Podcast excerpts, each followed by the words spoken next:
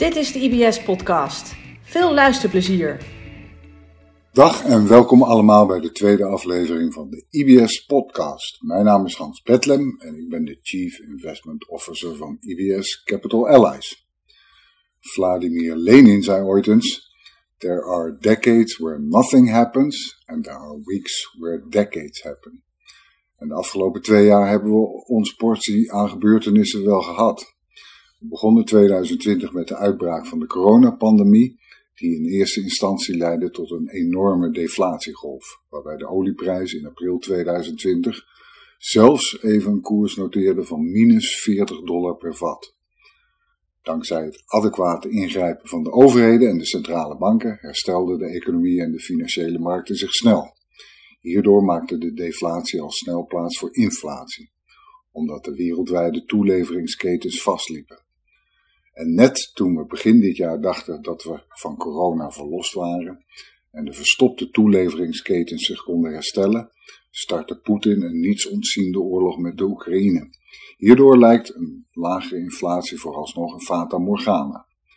Tijdens de gebeurtenissen van de afgelopen twee jaar en de onzekerheid die daarmee gepaard ging, kregen wij van onze relaties vaak de vraag: wat doen jullie in je aandelenportefeuilles om deze onzekerheden het hoofd te bieden? Ons antwoord? Heel weinig. Waarom? Omdat we in onze aandelenselectie de focus leggen op kwaliteit. Vandaag spreek ik met Reinder Wietsma, Head of Investments van IBS, over onze aandelenstrategie, de IBS 30. Welkom Reinder. Dankjewel.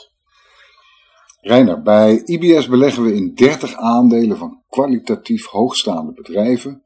Maar wat zijn dat eigenlijk voor bedrijven? Wat verstaan we onder kwaliteit?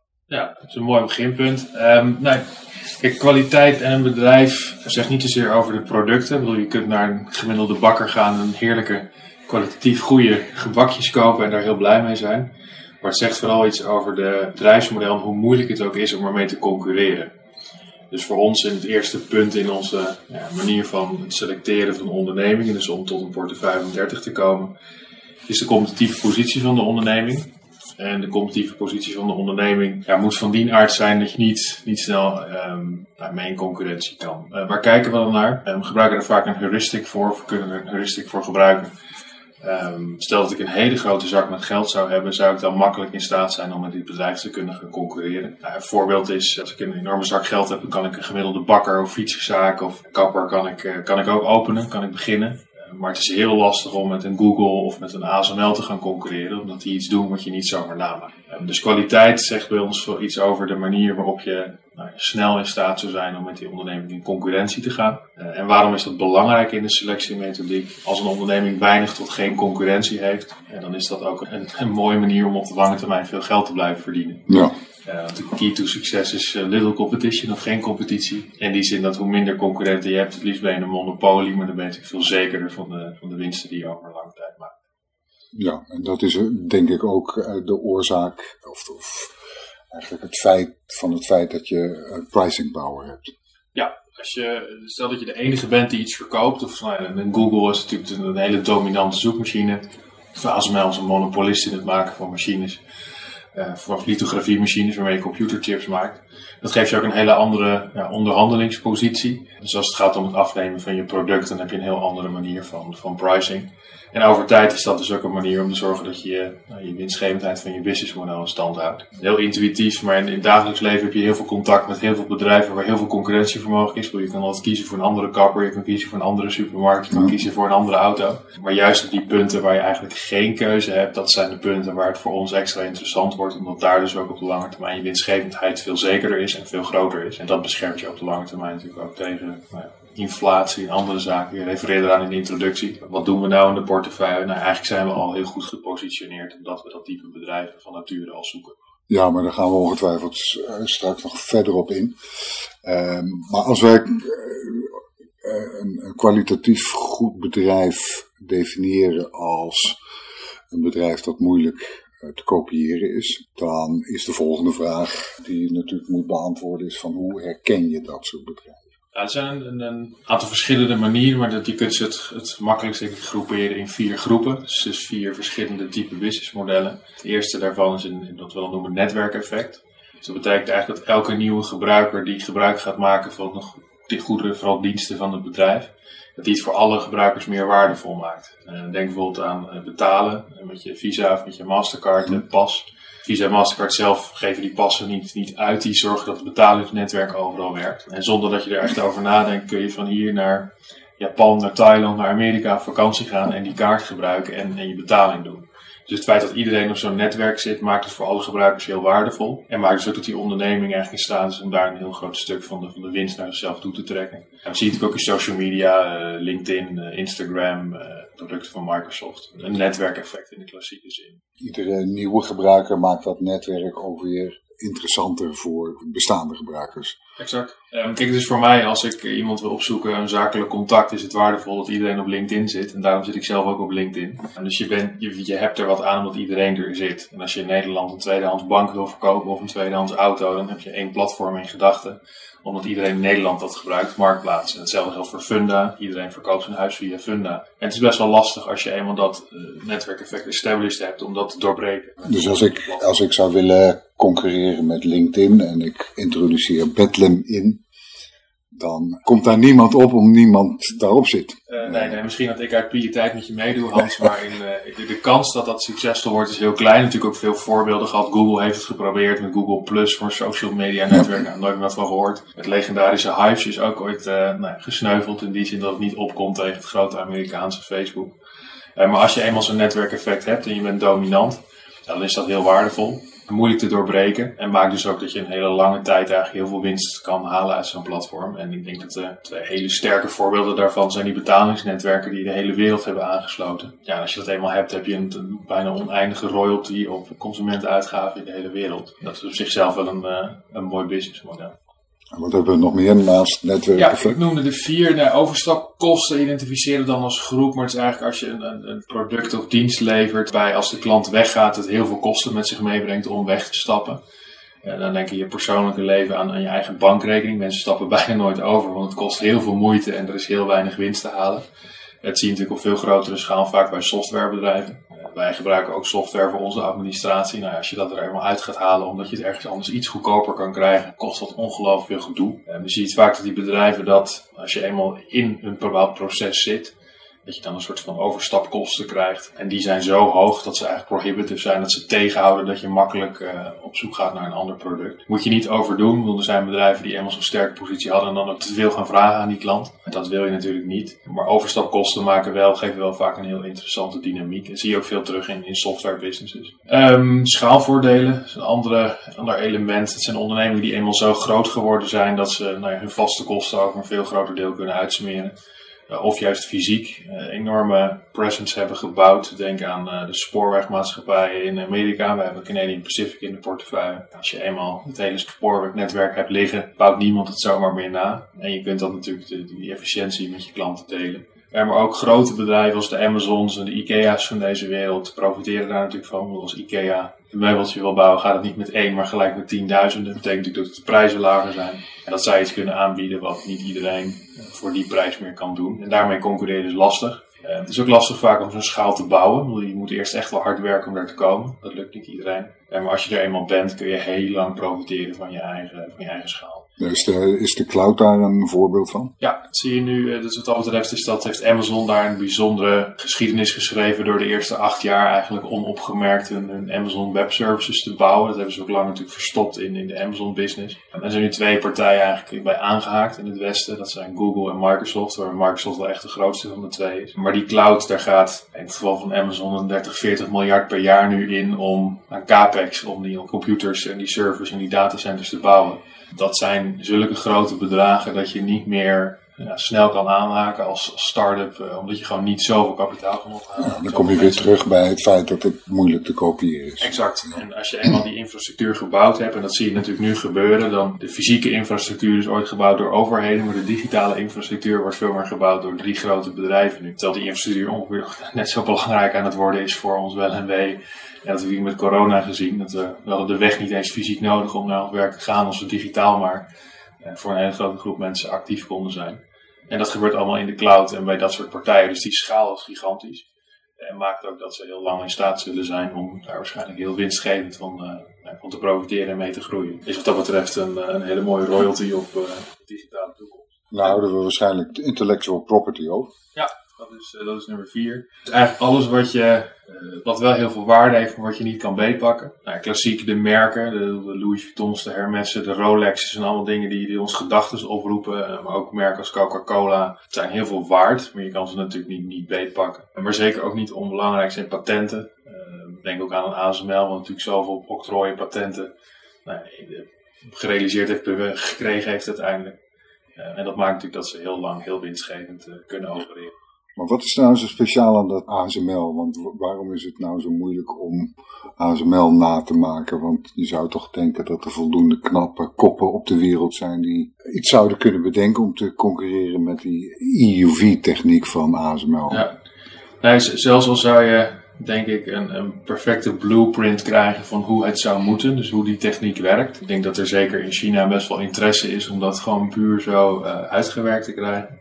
Dan heb je nog een tweede laag en dat is eigenlijk de hele toeleveringsketen. Waarbij ASML natuurlijk ook jarenlang ongelooflijk veel geïnvesteerd heeft in nou ja, de onderdelen voor die machines. En die zijn zo technisch ook weer geavanceerd dat het natuurlijk die combinatie is van en de de know-how is, hoe maak je dit? Ik ben duidelijk niet geëquipeerd om daar iets over te zeggen. Dat is ver boven mijn uh, kennisniveau van dat onderwerp, maar ook toeleveringsketen. En je ziet juist ook nu dat ze wel meer machines zouden willen bouwen, maar dat het ook gewoon niet kan. Omdat je type spiegels nodig hebt, type lasers nodig hebt. En daar is gewoon ook productiecapaciteit voor nodig. Ja, dus je bent jarenlang bezig om dat te bouwen. Ja, want het is ook iets speciaals met die spiegels. Hè? Want ik geloof dat Karel Zeiss in, in, in, Duitsland uh, toeleveraar is. Ja, ASML heeft een belang van 25% genomen, ook lang geleden in Carl Zeiss. En met dat geld daarvoor en ook die fabrieken gebouwd. Ja, de ASML geeft zelf die voorbeeldjes, maar die spiegels zijn zo, als je die zou uitstrekken over een omvang van de hele wereld, dan mag het hoogteverschil niet meer dan een centimeter zijn in oneffenheid. Misschien nog wel wat minder. Het zadelt dat zelf vaak aan, maar de, de, de moraal van het verhaal is dat het zulke geavanceerde spiegels zijn en techniek is dat en je kunt het niet snel maken. En het heeft ze ook jarenlang gekost om het te doen. Ze hebben er zelf ook in geïnvesteerd. En juist die combinatie maakt dat, dat zo'n bedrijf dat een positie heeft verworven van de monopolist. Dus ze zijn de enige die het nu doen. Maar dat zelfs al zou iemand anders de blueprint krijgen van hoe het zou moeten, dat je niet zomaar even dat in elkaar gaat, uh, gaat schroeven. Het is niet een recept voor een, uh, voor een lekkere cake of iets anders. Het is wel wat complexer.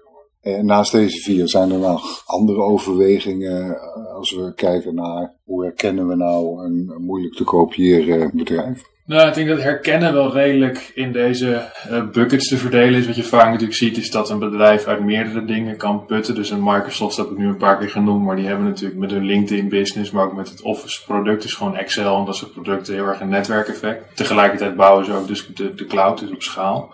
Um, wat eigenlijk veel meer een overkoepelend iets is dat de cultuur van de onderneming ook in dienst staat van dat competitieve voordeel. Dus een managementteam dat, dat weet waarom zijn wij goed, waarom kunnen wij op de lange termijn veel geld blijven verdienen. En ook zorgt dat de onderneming zijn nou ja, geld en middelen investeert om te zorgen dat dat competitieve voordeel ook echt op de lange termijn blijft groeien en sterk blijft. Dus in het geval van ASML heel veel investeren in research en development, de juiste mensen aantrekken, zorgen dat talent wil blijven werken, dus dat je heel weinig turnover hebt in je employment base. Dat maakt eigenlijk ook weer die onderneming sterker op de lange termijn. Dus bij elke onderneming ook anders. Ik bedoel, treinbedrijf, railroadorganisatie zal een heel andere cultuur uh, hebben die, die, een heel andere manier in dienst staat van, van de onderneming. Maar cultuur en, en de managementteams die daarin willen investeren, zijn echt meer overkoepelend voor, voor die vier factoren, zodat op de lange termijn ook die onderneming er volop van profiteert. Er is ook een heel lang track record aan ondernemingen die een hele sterke positie hebben gekregen, maar niet zijn blijven investeren in dat competitieve positie of niet de juiste manier. Uh, denk aan een IBM, uh, heel dominante positie gehad natuurlijk in personal computing,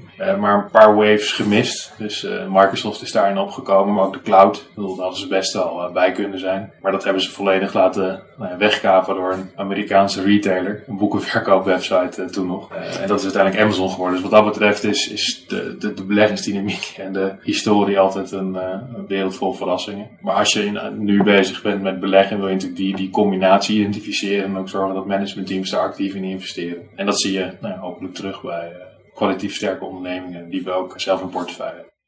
En, en, welke rol speelt het Matthew-effect? Het Matthew-effect is, om het simpel even te vertalen, is dat de winnaars blijven winnen. Ja. Uh, hoe werkt dat bij kwalitatief goede bedrijven? Ja, het is, het is een heel dynamisch proces. Als in, wanneer blijf je nou winnen en wat is dat überhaupt, dat winnen? Is natuurlijk voor iedereen ook anders. Neem een Microsoft als voorbeeld. Ze hebben één keer geluk gehad op de juiste moment de juiste plek te zijn. Ze zijn het operating systeem voor alle computers geworden. Iedereen kan met een Microsoft computer werken. Ja, maar dat geeft ze nu natuurlijk ook een enorm oneerlijk voordeel om hun eigen producten en diensten uit te rollen. Niet altijd succesvol, maar soms ook wel. En denk aan Microsoft Teams, wat ze gewoon standaard geïnstalleerd hebben op elke computer met Office. En heel veel mensen gebruiken nu Microsoft Teams. Ja, Zoom kan alleen maar dromen van zo'n competitief voordeel. Of van zo'n ja, zo'n leg up op de concurrentie. Uh, maar als je eenmaal die dominantie hebt, dus die sterkere positie hebt, is het ook makkelijker om dat af te dwingen. Google heeft natuurlijk een hele dominante zoekmachine. Van daaruit is het ook makkelijker om Google Maps bijvoorbeeld in de lucht te houden en van data te voorzien. Dus als je eenmaal een dominant product hebt, dus je hebt één keer ergens gewonnen, want er waren heel veel zoekmachines, Google is overgebleven, dan blijft het vaak ook makkelijker om te winnen. Eh, dat zie je ook in menselijk, eh, in talent, in mensen. ASML heeft nu gewonnen in de EUV-markt, dus in de markt om computerchipmachines eh, te bouwen. maar dat betekent natuurlijk dat heel veel mensen die interesse hebben in dat onderwerp, die het hoogste niveau gestudeerd hebben in die takken van sport, graag bij ASML willen werken, want daar gebeurt het. En als je dat talent kan aantrekken en kan blijven aantrekken en goed kan belonen. Ondanks dat je in Veldhoven moet wonen.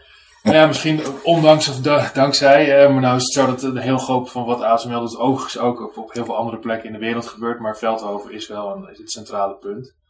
Um, maar qua carrière en qua job zie je natuurlijk dat een hele hoop mensen dat heel aantrekkelijk vinden. En de kans dat zomaar ergens in Noord-Groningen een nieuwe EUV-bouwer oppopt, omdat iedereen denkt daar wil ik ook bij horen, is natuurlijk een stuk kleiner. Dus dat Matthew-effect van wat als je eenmaal gewonnen hebt, kun je heel lang blijven winnen. En dus hoef je ook niet altijd een nieuwe winnaar te identificeren om succesvol te zijn. Want Google is al lang heel bekend, eh, maar ook al heel lang daarmee een winnende onderneming. De IBS 30 belegt in 30, althans wat wij vinden, kwalitatief hoogstaande namen. Mhm. Wat is nou de kracht van een portefeuille die bestaat uit kwalitatief hoogstaande namen? Het meest onderscheidende ten opzichte van uh, ondernemingen die niet zo'n unieke competitieve positie hebben, dus niet die unieke kwaliteit hebben, is dat ze veel vaker zelf in staat zijn om hun eigen toekomst te bepalen. En wat bedoel ik daarmee? Er zijn heel veel beursgenoteerde ondernemingen die afhankelijk zijn van externe variabelen. Dus in de olieindustrie van de prijs van olie of van gas. In de financiële industrie de prijs van geld. Dus de banken zijn gewoon erg afhankelijk van wat is de prijs van of de korte rente, de lange rente. En dat betekent dat je wat minder controle hebt over het succes van je eigen onderneming. Microsoft is niet zo afhankelijk van wat er precies met de economie gebeurt. Of we nou 2% of 4% groeien, wil, we blijven onze subscriptions betalen, we blijven in de cloud werken. En dat betekent dat de onderneming ook veel meer zelf in staat is om zijn eigen geluk, maar ook winstgevendheid over tijd te, te bepalen. En kan door zelf te investeren daar veel meer naartoe werken.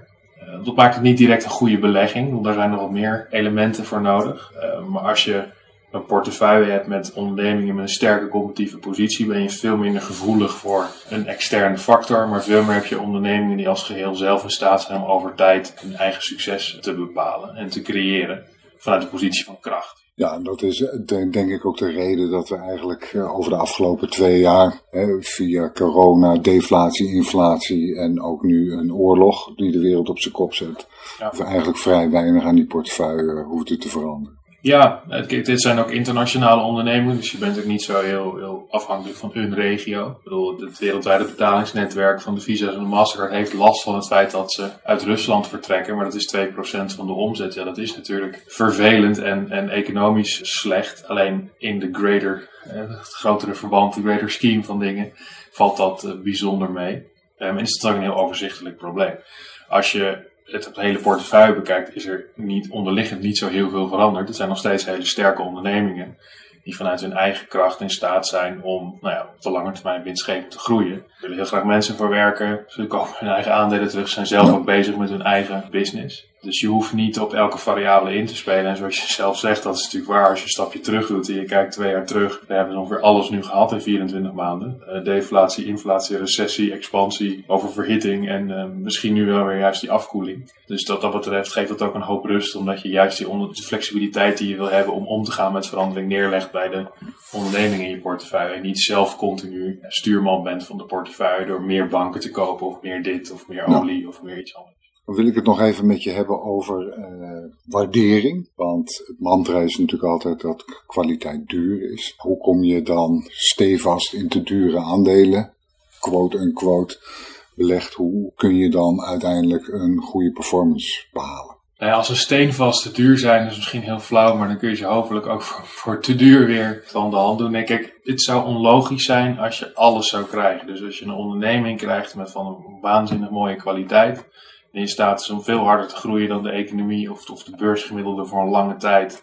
En ook nog eens voor een waardering die lager is dan het beursgemiddelde. Het klinkt ook heel intelligent zeggen, ik koop ondergewaardeerde aandelen. Eh, want het geeft een bepaald gevoel van zekerheid. Terwijl wat je veel vaker ziet is dat ondernemingen die een hele mooie competitieve positie hebben. Die veel harder groeien, die financieel er heel goed voor zijn, geen schulden hebben. Ik heb ze nu een paar keer genoemd, maar de grote tech-ondernemers, de Microsofts hebben wel 100 miljard aan, cash op hun balans staan. Dat is natuurlijk een heel andere positie dan dat je in de schulden zit. Um, en dat je die ook, die, die koop je vaak niet voor minder dan het marktgemiddelde. Een huis aan de Herengracht of een appartement aan de Herengracht heeft ook een andere prijs dan een huis ergens in het midden van het land. Dan in Drenthe of, of, of Friesland. Uh, niks ten nadelen van die plekken, maar dat is gewoon een andere een andere asset, een ander bezit. Wat je vaker ziet is dat ondernemingen die die sterk competitieve positie hebben, die een hogere waardering ook hebben, juist wel in staat zijn om de lange termijn ook positief te verrassen. Omdat ze dat geld op balans hebben staan. Microsoft doet een overname van Activision Blizzard als die doorgaat, van 70 miljard. Dat is een hele hoop geld, maar dat wordt gelijk in hun gaming business gestopt. En dat kan ook weer daarmee eh, hard doorgroeien binnen de gaming business als voorbeeld. Het, waar het om gaat is dat die onderneming veel langer in staat is om, om winstgevend hard te groeien. Nou, en daar betaal je voor. Als je dan naar de portefeuille kijkt, uiteindelijk beleggen we nooit in één aandeel. Uh, maar probeer je ook die spreiding te zoeken. We hebben een onderneming die heel hoog gewaardeerd is, maar ook 30% per jaar groeit. En we hebben ondernemingen die veel minder hard groeien en ook een hele andere waardering hebben. Het gaat natuurlijk op portefeuille niveau uiteindelijk om de waardering die, die past bij, bij elke onderneming en dat ze elkaar versterken. je wil niet 30 eh, bedrijven hebben in de software-industrie en misschien niet 30 bedrijven willen hebben die exposure hebben naar de olieindustrie. Je wil die balans ook zoeken op, op portefeuille. Dankjewel Reiner. Uh, ik hoop dat jullie uh, middels dit gesprek een beter beeld hebben gekregen wat uh, wij verstaan onder kwaliteit. En als je meer wil weten over de IBS 30, neem dan gerust contact met ons op. Of lees ons blog op de website ibsca.nl. Want daar schrijven we regelmatig over de IBS 30. Voordat ik het vergeet, we hebben op dit moment ook een vacature voor een analist in ons beleggingsteam. Dus als je interesse hebt of je weet iemand die interesse zou kunnen hebben, laat ons dat dan even weten. Tot de volgende keer. Dag. Dit was de IBS Podcast. Heb je interesse gekregen? Schrijf je dan in op onze nieuwsbrief op ibsca.nl.